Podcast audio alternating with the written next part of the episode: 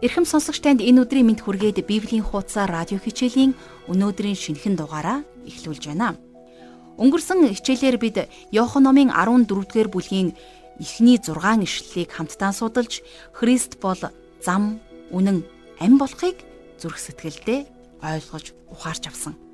Тэгэхээр өнөөдрийн хичээлээр бид Иохан номын 14-р бүлгийн 7-р ишлэлээс үргэлжлүүлэн 31-р ишлэлийг дуустал уншиж судлах гэж байна. Энэхүү хичээлээс бид Бурхны тайтгарлыг мэдрэх болно. Эзэн Есүс Христэд бүрэн дүүрнээр итгэсэн хүмүүсийн зүрх сэтгэлд ирэх тэрл яруу, гайхамшигтай амар тайвны тухай мэдж бас мэдэрч авах гайхамшигтай цаг ирээд байна. Тэгээд Бурхныг хүлээн аваагүй хүмүүст тэрхүү амар тайвнаар хандаж Бурхны хүсэл дотор хамтдаа алхацгаая. Ингээд өнөөдрийн хичээлд орхоосоо өмнө энэ цагийг Бурхан даатгаж хамтдаа залбирцгаая. Гайхамшигтай бурхан аав минь би таньдаа шинэ өдрийн төлөө өнөөдрийн энэ цагийн төлөө талархаж байна. Хичээлийн энэ цагийг та хорон мөч бүрийг нь ивэж өрөөж өгөөрэй. Та биднийг ариун сүнсээрээ үргэлжлүүлэн дүүргэж таны үгийг сонсож ухаарж ойлгоход та туслаарай. Тэгээд таны заасан мэрэгэн үгсийн дагуу амьдрахад та биднийг чиглүүлж өгөөрэй. Бид танд бүхий л зүйлээ ам амьдралаа даатгаж Есүс Христийн нэрээр залбирanгуйлаа. Амен. Ингээд жаргал агшийн хичээлийг чих тавин сонсоцгоё.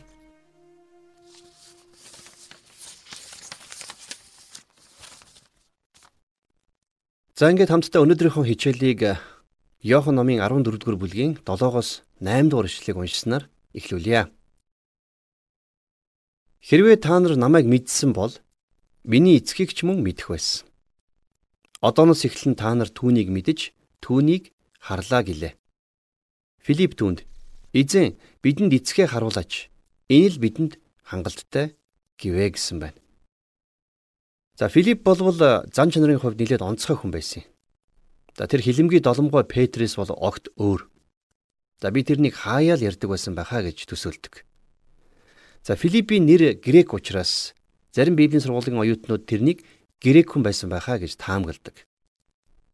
А гэхдээ тэр грек нэртэй еврей хүн байсан ч гэж болно. За тэр бол маш өвөрмөц хүн байсан. Учир нь яагаад үг гэхээр бид тэрнийг харах бүртээ тэр хин нэгнийг Есүс рүү авчирсан байсан. За тэр Натанилыг авчирч байсныг та санаж байгаа бах тийм ээ. Би тэрнийг яаж авчирсан болоо гэж маш их гайхдаг. Яагаад үг гэхээр Филипп бол угаасаа дуу чимээ багттай хүн байсан. Харин Натаниэл бол шогч хүн байсан. Филипп бол шулуухан хүн байсан бол Натаниэл хошин шогч хүн байсан. А гэхдээ дуугүй чимээгүй за бүрг гэж хэлж болох Филипп хүмүүсийг Есүс рүү авчирдаг л байсан байна. Грек хүмүүс Есүсийг харахыг хүссэн Филипп рүү ирж байсныг санаж байна уу? Тэгэхээр одоо би танаас хувийн чанартай нэгэн асуулт асуухыг хүсэж байна. Таны амьдралын хүсэл мөрөөдөл юу вэ? Таны эцсийн зорилго юу вэ? Та баян болохыг хүсдэг үү? Нэр төрийг хүсэж байна уу? Та хүүхдүүдтэй боловсрол олгохыг хүсдэг үү? Тэгээд та тэднийг Есүсийн дотор сахилга бат зааварчилгаанд авчрахыг хүсдэг үү? Магадгүй та бидний зорилтууд дэлхийн зорилтууд байж болох юм. А гэхдээ хамгийн дээд зорилт бол Филиппийн эзэн бидэнд эцгээ харуулаач гэсэн хүсэлт байсан. За 9 дугаар ишлээс үргэлжлүүлэн харцгаая. Есүс би та нартай ийм удаан хамт байхад чи намайг таньсангүй гэж юу Филиппэ? Намайг харсан хүн эцгийг харсан. Гэтэл бидэнд эцгээ харуулаач гэж чи яаж хэлнэ вэ? Мосе бурхны алдрыг харсан гэдгийг за Исаяд бурхны алдрын үзэгдэл үзэгдсэн гэдгийг Филипп хуучин гэрээнээс мэддэг байсан байна. Есүсийн хариултыг зэмлэл гэж би тайлбарлахыг хүсэхгүй байгаа юм. Есүс Филиппт өөрийгөө олон гайхамшгуудыг үлдсэн гэдгийг хэлж байна. Хэдийгээр Филипп Бурхны алдрыг Мосе Исая нар шиг хараагүй байсан ч гэсэн тэр Есүсийг харсан байсан. Тэр Есүсийн үгсийг Есүсийн үйл хэргийг гэрчилж байсан. Тэр Бурхныг харсан байсан. Христ дотор Бурхны хуучин гэрээнд байдгаас илүү агуу ижлэлт байдаг. Филиппт Бурхны хамгийн агуу ижлэлт байсан. Яагаад гэвэл тэр тэрнийг махан биеэрээ харсан. Тэр Есүстэй хамт байсан. Тэр 3 жилийн турш Бурхны оршихуйд байсан гэсэн үг. Тэгэхээр Еврей номын зохиогч Есүсийг эцгийн алдрын туяа түүний мөн чанарын бодит илэрхийлэл гэдгийг хэлсэн байдаг. За энэ тухай еврейчүүдэд бичсэн захидлын 1-ийн 3 дугаар ишлэлийг би энд иш татмаар байна. Хүүн түүний алдрын туяа түүний мөн чанарын бодит илэрхийлэл бөгөөд өөрийн хүчит үгээр бүхнийг барьдаг болоо. Тэр нүглүүдийн ариусгалыг үзээгээд дээр байгч сүрд жавхлант нэгний баруун гарт заларваа гэсэн байдгийн. Тэгэхээр Есүс дээр хэлсэн байсан намайг харсан тэр эцгийг харсан гэдэг нь магадгүй та төстэй бадгаалыг харж байна гэсэн утгатай биш. Харин хүч, зан чанар, хайр болон за тэгээд бусад бүх зүйлдэх тэр ижил бадгаалыг харж байна гэсэн үг. Бурхны мөн чанарыг харж байна гэсэн үг. Тэгээд эцэг бурханд харах бүхнийг харсан гэсэн үг. Тэгээ яагаад гэхээр Иохан номын 4-р бүлгийн 24-р эшлэлийг эргүүлэн харах юм бол бурхан бол сүнс. Түүнд мөргөгч нь сүнсээр болон үннээр мөргөх ёстой гэж байдаг. За мөн 1-р бүлгийн 18-р эшлэлийг харах юм бол бурхныг хинч хизээж хараагүй бөгөөд эцгийн өвөрдөх цорын ганц хүү болох бурхан нь түүнийг таниулсан юм а гэж байдаг. Бид Есүс Христийг хардаг. Тэгээд бид үн мөнхөд түүнтэй хамт байх болно. Есүсийг хайрладаг та бидний хувьд бол бидний амьдралын эцсийн зорилт бол түүнийг улам илүү таньж мэдэх юм. За 10 дугаар ишлэгийг хамтдаа харцгаая. Би эцгийн дотор эцэг миний дотор байгаа гэдэгт чи итгэхгүй байна уу? Миний та нарт хэлж байгаа үгсийг би өөрийн санаагаар хэлээгүй. Харин миний дотор оршигч эцэг өөрийнхөө ажлуудыг хийж байгаа юм а гэсэн байна. За тэгэхээр Есүс энд өөрийн үг, өөрийн үйлсийн гэрчлэлийг хэлж байна. Яагаад үг гэхээр энэ хоёр нь хоёулаа адилхан. Нэг нь нөгөөтөөгөө тэнцүү гэсэн үг. Есүс төгс бас тууштай байсан. Та бидэнд тулгардаг гол асуудал бол үгсээ үйлстэйгээ тааруулах бэрхшээл байдаг. Бид нэр агуу байр суурийг илэрхийлж, агуу гэрчлэлийг хийдэг ч гэсэн бидний хинэнч төгс амьдралаар амьдрч чаддаггүй. Тийм болохоор Христтгэлийн хүн бүрт гимшиж гимээ хүлээн зөвшөөрөх цаг байх ёстой. За Иохны сайн мэдээний өмнөх бүлэгдэр Есүс биднийг хэрхэн угаах ёстой тухай гардаг. За чухамхүү ингэж байж л бид нар түүнтэй нөхөрлөх боломжтой болдгийм. Өнөөдөр хитрхи олон Христтгэлийн хүмүүс Бурхантай нөхөрлөх нөхөрлөө гээсэн байдаг. Яагад гэхлээр тэд өөрсдийгөө зөв амьдарч байна гэж боддог. А гэхдээ тэдний үг болон үйлс нь тууштай байж чаддгүй юм. Тиймээс бид нар энийг гимшин хүлээн зөвшөөрч байх хэрэгтэй. Эзэн Есүс шийдвэр гаргахын тулд өөрийнхөө хүслээр хизээж хандаж байгаагүй та анзарч байсан уу? Миний та нарт хэлж байгаа үгсийг би өөрийн санаагаар хэлээгүй. Харин миний дотор оршигч эцэг өөрийнхөө ажлуудыг хийж байгаа юм а гэж дээр хэлсэн байсан. Тэгэхээр Есүс эцгийнхээ хүслийг ярьж байсан. Түүний бүх ажлууд эцгийн хүсэл байж. Тийм учраас Есүс Филиппт хандаж өөрийнх нь үгийг сонсож байхдаа эцгийн үгийг сонсож байсан. Есүсийн үйлсийг харахтаа тэр эцгийн үйлсийг харж байсан юм а гэдгийг нь тайлбарлан хэлсэн байна. Тэр Есүсээр дамжуулан эцэг ажиллаж байгааг харж байсан.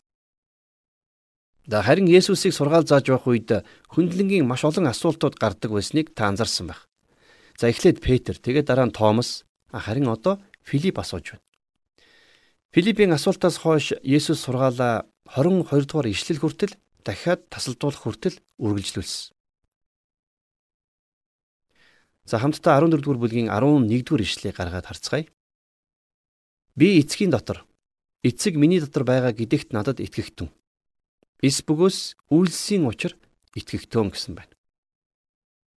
Хэрвээ та Есүсийн үгнээс болж итгэхгүй байгаа бол Есүсийн үйлсээс нь болоод итгэж ээ гэж Есүс энд хэлж байна. Энэ бүхэн таныг итгүүлэхэд хангалттай байх болно. За 12 дугаар ишлэгийг харъя. Үннээр үннээр би та нарт хэлье. Надад итгэдэг хүн миний хийдэг ажлуудыг бас хийх бөгөөд эдгээрээс агуу ажлуудыг ч хийх болно. Яагад гэвэл би эцэгтэй очноо гэсэн байна. Бидний эзэн Есүс Христ энэ дэлхийд байхдаа агуу үйлс гайхамшгуудыг үйлдсэн. Түүний хандан ярьж байсан эдгэр дагалдагч нар нь ч адил агуу зүйлсийг хийсэн. Тэд нар өвчтөе хүмүүсийг эдгэсэн. Үгсэн хүнийг амьлуулсан. А гэхдээ Есүст итгэсэн хүмүүс илүү агуу зүйлсийг хийх болно гэж Есүс дээр хэлсэн байна. За тэгвэл тэдний хийх тэр агуу зүйл нь яг юу вэ? Симон Петр Есүсийг баривчлагдсан тэр шөнө Есүсийг үгүйсгэсэн байсан. А гэхдээ тэрээр Пентекост баярын өдөр сургаал заахад 30000 хүн итгэгч болсон. Цовдлогдсон, дахин амилсан, алдаршуулгдсан. Мөн эргэж ирэх аврагчийг номлосноор сонсогч нь Христийг хүлээн авч дахин төрөх нь өвчтөе хүнийг эдгэхээс илүү агуу гайхамшиг байгаа юм. Есүс Христ газар дэлхий дээр байхдаа хүмүүсийн бодит биесийг дахин амьлуулах гайхамшигыг үйлдсэн. Тэгвэл бидний агуу ажлууд чухам яаж хийгдэх ёстой вэ? Учир нь би эцэг рүү явна гэж Есүс хэлсэн. Тэгэхээр юг судахтай вэ гэхлээр Христ өнөөдөр ч гэсэн ажиллаа хийсэн хэврээл байгаа. А гэхдээ өнөөдөр тэр хүнээр дамжуулан ажиллаж байна. Тэр хүний хэврийг махан биеэр дамжуулан ажилласаар байна гэсэн үг. За Библийн энэхүү хичээл радиогоор явж байхад хүмүүс Христ рүү иргэдэгт би хувьдаа баярлдаг. Хэрвээ Есүс Христ энд хүмүүст ярьж байсан бол энэ нь агуу ажил байх байсан. Есүс Христ таныг намайг аваад биднэр дамжуулан хүмүүст хүрэхэд энэ нь илүү агуу ажил болдго юм. За мөн Есүс эцгийнхээ талаар цаг үргэлж ярьдаг байсан. За энэ хэсэгт гэхэд эцгийг 20 удаа дурдсан. За 13-аас 14 дугаар ишлэгийг хамтдаа уншицгаая. Та нар миний нэрээр юу ч гуйсан эцэг хүүгээрээ алдаршуулгадахын тулд би түүнийг хийнэ. Хэрв та нар миний нэрээр юу ч надаас гуйвал би түүнийг чинь хийнэ гэсэн байна. Тэгэхээр эдгээр агуу зүйлс нь залбирлын үр дүн гэдгийг Есүс үргэлжлүүлэн хэлж байна. Залбирлын сайн мэдээ тараах нь өнөөдөр үнэхээр ховортчод байгаа. Миний нэрээр юу ч гуйвал би түүнийг чинь хийнэ гэж Есүс амласан шүү дээ. Харамсалтай нь эдгээр ишлэлийг хүмүүс буруугаар ойлгоод байдаг. Маш олон хүмүүс энийг ашигладаг. Тэд нэр залбирсан бурхан тэдний залбиралд хариулаагүй гэж хэлдэг. Тэд нэр юу ч болохгүй байна гэж надаас асуудаг. Харин би тэднийг ишлэлийг буруу ойлгосон байна гэдгийг зааж өгдөг юм. Тэд нэр цааш нь үргэлжлүүлэн унших ёстой. Энэ бүгд нийлж байгаад нэгэн цогц ойлголтод хүргэдэг. За цааш нь харъя 15 дугаар эшлэл дээр хэрв та нар намайг хайрладаг бол миний тушаалуудыг сахи. За одоо эдгээр гурван ишлэл бүгд юу хэлж байгааг авч үзцгээе. Яг Христийн нэрээр гуйна гэдэг нь ямар учиртай вэ? Түүний бадгаал залбирах гэдэг нь түүний байран дээр зогсох гэсэн утгатай. Энэ нь түүнтэй дүүрэн адил болох гэсэн утгатай юм. За энэ нь бас та бид нар бурхны өмнө зогсохдоо түүний өрөөгдсөн хүүгийн гавьяаг гуух гэсэн утгатай. Бид нар өөрсдөө Бурхны өмнө зогсох боломжгүй. Тэр миний залбирлыг сонсдоггүй. Тэр таны хэн гэдгээс болж таны залбирлыг сонсдоггүй. Тэр бидний залбирлыг Христийн нэрээр байх үед л сонсдгоо гэсэн үг. Энэ нь бид залбирлынхаа төгсгөлд Есүсийн нэрээр гэж хэлдэг зүгээр нэг хиллэг биш юм. Харин Есүсийн нэрээр залбирна гэдэг нь бол үүнийг түүний гавьяан дотор түүний алдрын төлөө танилцуулна л гэсэн үг эцэг хүүгээрээ алдаршуулгадахын тулд би түүнийг хийнэ гэж Есүс дээр амласан байна. Хүү дотор Бурхныг алдаршуулах залбирал бол түүний хариулах залбирал байна гэсэн үг. Тиймээс бид нар Есүсийн нэрээр Бурхны алдрын төлөө залбирахдаа өөрсдийнхөө төлөө хуваа хичээсэн зүйлийн төлөө залбирдаггүй. Бид харин түүний төлөө залбирч байна. Та бид нар эцэг хүү дотор алдаршуулгадахын төлөө залбирч байгаа. За энэ бол бас Христэд захирагдах бидний дуулууртай байдлаас хамаардаг. Энэ амлалтыг түүний хайрладаг тэдгэр хүмүүст өгсөн. Тэдний хайрын баталгаа бол Есүсийн тушаалуудыг сахих явдал байсан. Тэгэхээр хайр бол Христэд дуулууртай байх байдлаар батлагддаг. Сахилга батгүй Христ итгэлийн хүн эзэн Есүст хайртай гэж хэлэх боломжгүй. Тийм учраас та өнөөдөр Есүст хайртай учраас түүний тушаалуудыг сахиж байна уу үгүй юу гэдгийг өөрөөсөө асуугаарай. Учир нь яагаад үг гэхээр Есүс дуулууртай байх нь түүнийг хайрлах хайрын нотлохоо болж байдаг. Энэ амлалтыг түүнийг хайрладаг хүмүүст л Есүс өгсөн юм шүү дээ. За цааш нь 16-аас 17 дугаар ишлэгийг харъя. Би эцгээсээ гуйхад тэр та нарт өөр туслагчийг өгнө. Тэр нь та нартай үрд хамт байна. Тэр бол үнний сүнс мөн бөгөөд түүнийг харахгүй, мэдхгүйгээсээ болж ертөнц түүнийг хүлээж авч чадахгүй. Харин та нар түүнийг мэднэ. Яагад гэвэл тэр та нартай хамт үргэлж байх бөгөөд та нарын дотор байна гэсэн байна. За энэ бол та бидний өнөөдрийн амьдарч байгаа үеийн онцгой нэгэн үнэн баг юм. За Пентекост баярын өмнө ариун сүнс энэ газар дэлхий дээр байсан. За бас Пентекостийн өдөр тэр итгэгч нарын дотор оршин байхаар орж ирсэн. Түүнийг ариун сүнс гэж дүрсэлдэг. Хэрвээ түүнд нэр байсан бол тайлгаруулн туслагч гэдэг үгс түүний анхны нэр байх байсан байх. Яагаад гэвэл тэр бидэнтэй хамт мөнхөд байхаар илгээгдсэн хүчрхэг бурхан юм. Дэлхийн үнний сүнсийг хүлээн авахгүй гэж энд хэлээгүй. Харин дэлхий түүнийг хүлээн авч чадахгүй гэж хэлж байна. Яагад гэвэл Бурхны сүнс Бурхны үгийг аваад тэгээд энийг итгэгч хүнд нээж өгдөг. Тийм учраас аврагдаагүй хүн эхлээд Есүс Христийг өөрийн аврагч гэдэгт итгэх ёстой байдаг юм. Зөвхөн Бурхны сүнс л Бурхны үгийг ойлгуулж чаддаг. Ариун сүнс бол үнэн рүү биднийг удирдан дагуулдаг багш юм. Ариун сүнсгүйгээр Библи түүхийн нэгэн ном болж хуурах байсан. Харин ариун сүнс Библийн үннүүдийг заадаг болохоор түүхийн ном болоог. Ариун сүнс дэлхийд аль хэдийн байсан. А гэхдээ Есүс одоо тэр таны дотор байх болно гэж хэлж байна. За дараагийн ишлэгийг бүгдээр харцгаая. 18-аас 20 дугаар ишлэл. Би та нарыг өнчрүүлж орхихгүй. Би та нар руу ирнэ. Хэсэг хугацааны дараа ертөнц намайг дахиж харахгүй. Харин та нар намайг харна. Яагад гэвэл би амьд байна. Та нар ч амьд байна. Би өөрийн эцэг дотор, та нар миний дотор. Би та нарын дотор байхыг та нар тэр өдөр мэдэх болно гэсэн байна. За Есүс та биднийг өнчрүүлж орхихгүй харин ариун сүнсээр биднэр лүү ирнэ гэж хэлж байна. Тэрээр тэр өдөр гэдгээрээ бидний амьдран байгаа өдрийг хэлсэн. За энэ нь Пентекостийн баярын өдөр эхэлсэн юм. За харин цааш нь та нар миний дотор Би та нарын дотор гэж хэлсэн Есүсийн мэдэгдэл бол Иохны сайн мэдээ болон за бүр бүхэл бүтэн Библиэдх хамгийн агуу том мэдэгдэл байгаа юм. За энэ бол жаахан хүүхдч ойлгож чадхаар энгийн үгс. Гэхдээ гүн ухаанд нь ч эдгээр үгсийн утгын гүн гүнзгийг ухаж чадахгүй байх боломжтой.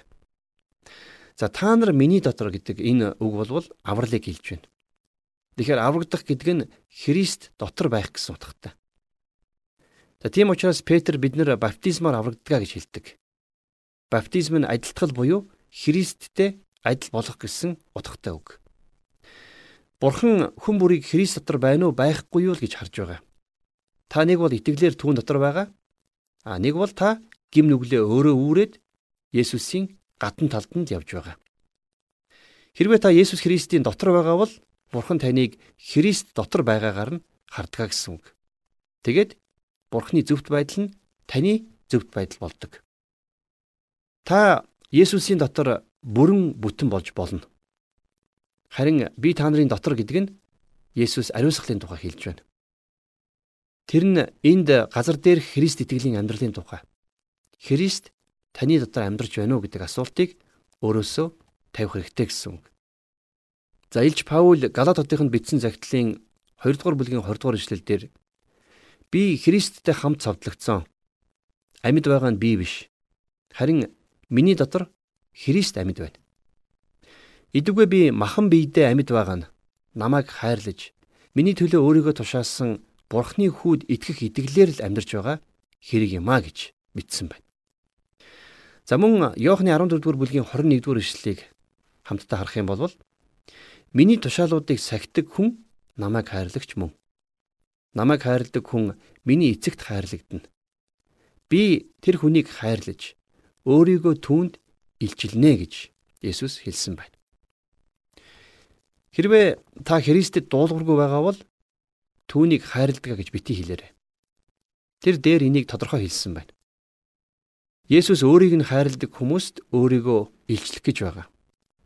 За гэхдээ энэ илчлэлт нь ямар нэгэн үзэгдлэр харагдана гэж бити бодоорой. Есүсийн хэлж байгаа зүйлсийг ариун сүнс бидэнд үзүүлдэг юм. Тэгэхээр энэ нь үзэгдлэр биш. Харин Библи бидэнд энийг хийж өгдөг. За цааш нь 22-оос 24 дугаар эшлэгийг харъя. Юдас Искариотын биш.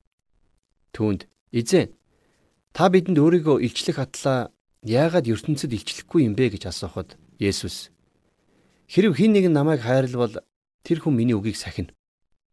Миний эцэг түүнийг хайрлна.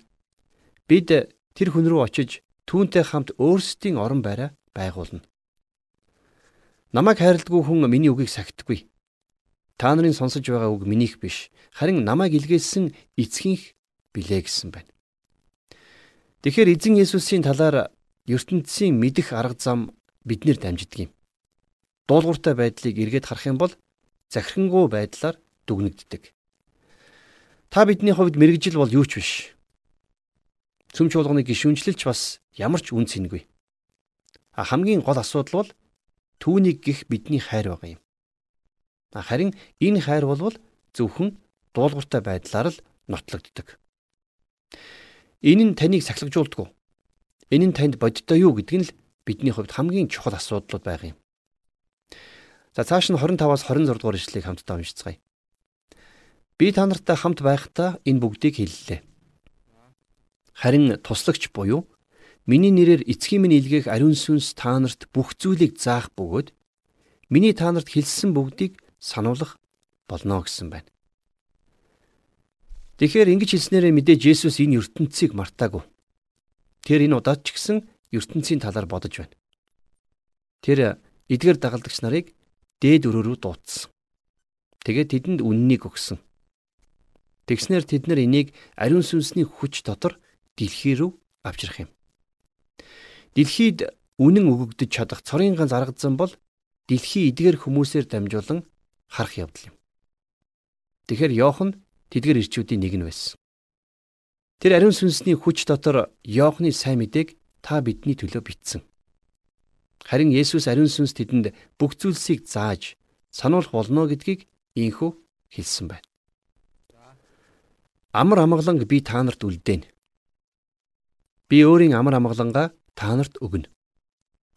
ертөнцийн өгдгөөс өөр юмыг би та нарт өгч байна. Та нар зүрхээ бүү заваа.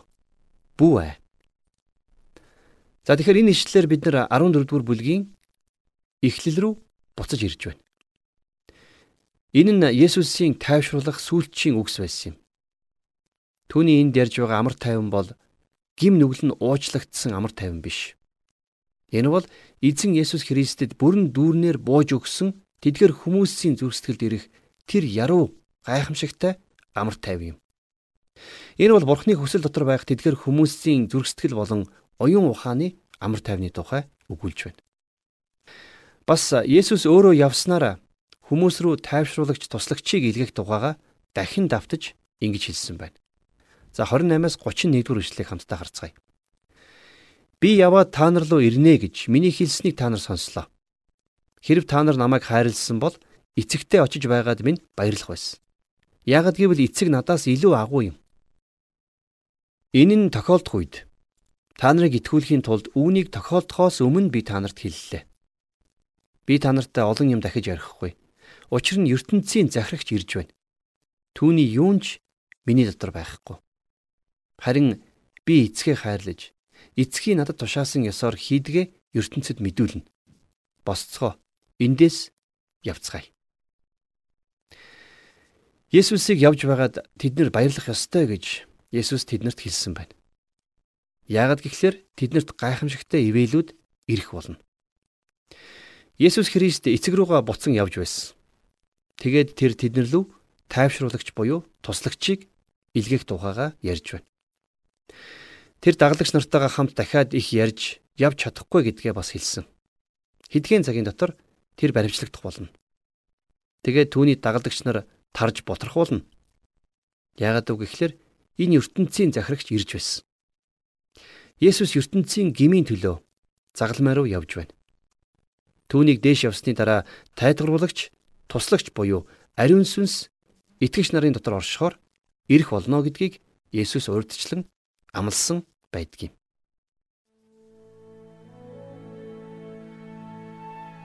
Тэгэхээр өнөөдөр биднийг Библийн хуудасаар аялуулж Бурхны үг сургаалыг дамжуулсан жаргал агштаа баярлалаа. Бид амьдралын хатуу хөтөөг туулж явахдаа надад туслах хин нэгэн алга гэж юу гэж заримдаа уулга алддаг. Тэгвэл Иохан номын 14-р бүлгийг сая хамтдаа уншиж судалснараа та бид ариун сүнс бидэнтэй үргэлж хамт байдаг гэдгийг ойлгож харж авлаа шүү дээ. Тиймээс түүний оршихуй болон түүний дуу хоолойг сонсох үнэхээр чухал. Харин түүний дуу хоолой түүний оршихуйг мэдрэхийн тулд Бурханд чин сэтгэлээсээ итгэх тэрхүү итгэл дуулууртай байдал бидэнд туслана. Бурхан эцэг биднийг итгэлээр хүлээн авахд хизээд бэлхэн байдаг. Тиймээс хамтдаа Бурханд хандаж чин сэтгэлээсээ талархах цаг гаргацгаая. Бурхан аав минь би таньда өнөөдрийн хичээлийн төлөө талархаж байна. Та биднийг тайвшруулахаар өөрийн туслагч болох ариун сүнсийг бидэнд илгээсэнд баярлалаа та бидэнд түүний дуу хоолойг сонсож түүний зөвлснөөр зөв сонголтыг хийж амьдрахад та туслаарай. Бас бурханд итгэх итгэлдээ үнэнч байж түүнд дуулууртайгаар үйлчилдэг байхад та биднийг ивэж өрөөж өгөөрэй. Их эзэн минь би танд амь амьдралаа даатгаж Есүс Христийн нэрээр залбирanгуйлаа. Амен.